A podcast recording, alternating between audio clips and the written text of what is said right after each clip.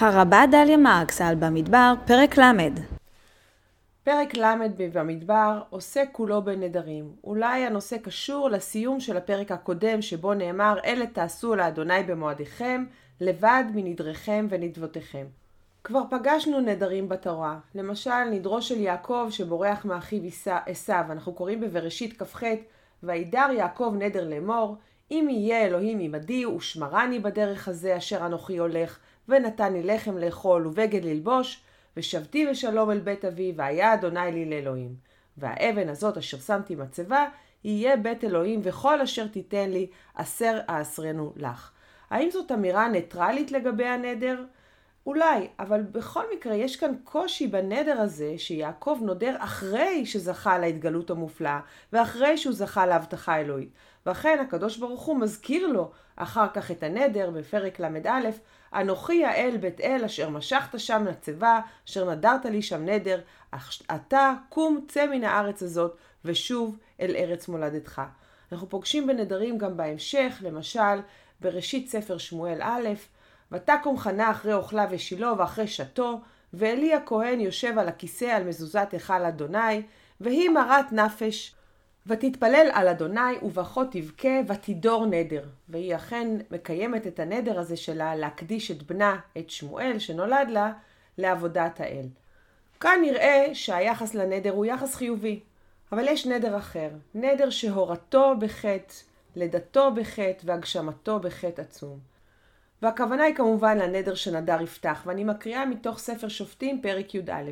וידר יפתח נדר לאדוני ויאמר, אם נתון תיתן את בני עמון בידי, והיה היוצא אשר יצא מדלתי ביתי לקראתי בשובי ושלום מבני עמון, והיה לאדוני, והעליתוהו עולה. כבר התנ"ך מרמז שיפתח הגלעדי היה גיבור, אבל גיבור שלילי. נאמר עליו שהוא בן איש זונה, והתלקטו אל יפתח אנשים ריקים, אבל מה שאומר התנ"ך במרומז, אומרים חז"ל באופן מאוד מאוד גלוי, ומציגים ביקורת כלפיו באופן מאוד מפורש. והנה דוגמה מתוך ויקרא רבה ל"ז.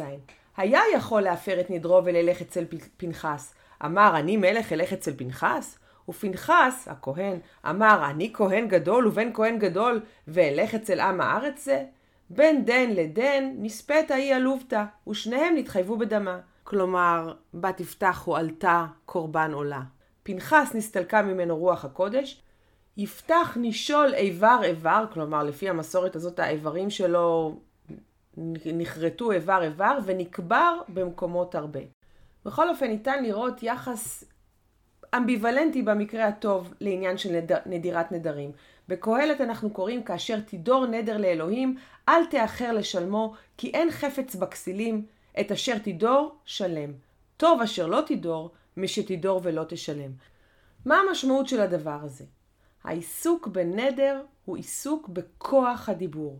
באמונה שלדיבור יש כוח ובאמצעותו אפשר לברוא מציאות. הרי אנחנו אומרים על הקדוש ברוך הוא, ברוך שאמר והיה העולם. יש גם בריאות קטנות, יצירות קטנות של בני אדם. וכך באמת פותח הפרק שלנו, איש כי ידור נדר לאדוני, או יישבע שבועה לאסור איסר על נפשו, לא יחל דברו, ככל היוצא מפיו, יעשה. יש כאן פסוק אחד שמדבר בלשון כללית, ומכאן, אחרי הפסוק הכללי, הגנרי הזה, שאר הפרק מדבר על נדרי נשים ואפשרות להפרתם. ברשותכם לא אכנס היום לענייני מגדר, אלא אשאר מעט בעניין של הכוח שיש לדיבור, שיש לנדר. הביטוי הזה שאנחנו רואים בפסוק הראשון, לא יחל, המשמעות שלו היא לא לחלל, אבל הוא מזכיר, הוא מהדהד את הלשון שבאה בתורה כדי לספר שהאנושות החלה לפנות לקדוש ברוך הוא עוד בימי בראשית. אז הוחל לקרוא בשם אדוני. כך בבראשית פרק ד' פסוק כ"ו. גם שם היה מי שהבין את אז הוחל כחילול השם, אבל אני חושבת שכאן די ברור שהכוונה היא אז התחילו. הדיבור מתחיל, הדיבור הוא פותח את הקשר בין ארץ ובין שמיים, הוא פותח את היכולת לדבר עם האל, אבל יש לו גם יכולת להיות מחלל. לפי התורה אין אפשרות להפר נדר, ועל ספרות חז"ל הקדישה מסכת שלמה על ענייני נדרים והאפשרות והתנאים להפרתם. מילים עושות דבר בעולם, הם אינן הבל היוצא מפיו של אדם. יש להם כוח, והן יכולות לחולל דברים. זהו נדר. והדיבור הוא בעצם מה שמגדיר את האדם, את אנושיותנו. על הפסוק מבראשית ב' ויפח באפיו נשמת חיים ויהי האדם לנפש חיה, אומר אונקלוס, שרש"י מצטט אותו, בתרגום שלו, והבט באדם לרוח ממללה. לפי זה, מה שהופך את האדם לנפש חיה, הוא כוח הדיבור שלו. אתם יודעים, לפעמים אה, אתם עושים מעשה בעולם, והמעשה מקבל משמעות מלאה רק כשאחרים מדברים עליו או ממשמעים אותו בעבורך או בעבורך. כך לגבי סידור תפילת האדם, שאותו זכיתי לערוך עם חברתי הרבה אלונה ליסיצה. בחרנו בכותרת תפילת האדם לסידור מתוך uh, השיר המופלא, שיר התפילה המופלא של חנה סנש, הליכה לקיסריה. רצינו להראות בזה שיש יכולת להתפלל ויש דרכים שונות שאפשר להתפלל בהן. אבל אני חושבת שהבנו את מלוא המשמעות של השם תפילת האדם רק כאשר המורה שלנו, הרב והפרופסור לארי הופמן, אמר על הכותרת שלה שהיא מלמדת על כך שהתפילה שמוצא פינו היא מה שעושה אותנו אדם, או בלשון שלו באנגלית, The prayer that makes us human. התפילה היא זאת, היכולת למלל, היכולת לדבר, היא זאת שעושה אותנו בני אדם. ובצד הכוח הגדול הזה, גם הסכנה הגדולה והחרדה מדיבור שהוא בדיבור מסוכן.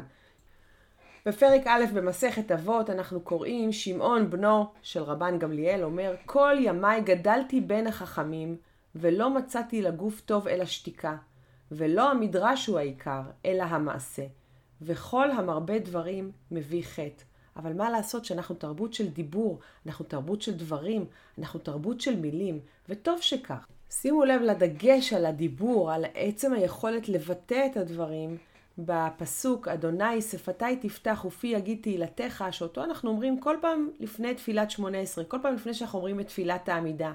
ואולי התשובה לתחינה הזאת, לתשוקה הזאת, להיות יכולים בכלל לדבר, בכלל לבטא את התהילה, נמצאת בתפילה שנוספה לאחר תפילת העמידה, בסיומה של תפילת שמונה עשרה, וזו תפילתו של מר בריידי רבינה, מר בנו של רבינה, שמתחילה במילים עד אלוהי נצור לשוני מרע ושפתיים מדבר מרמה. קודם כל התפילה על עצם היכולת לדבר, ואחר כך התפילה על עצם היכולת לחדול מלדבר, ובמיוחד לדבר רע. בין שני הכתבים האלה, בין הרצון לדבר והצורך לדבר והתשוקה לדבר, ובין הרצון להיות יכולים להגביל את הדיבור הרע ולשלוט בדיבור שלנו, מתחוללת ומתנהלת תרבות ישראל.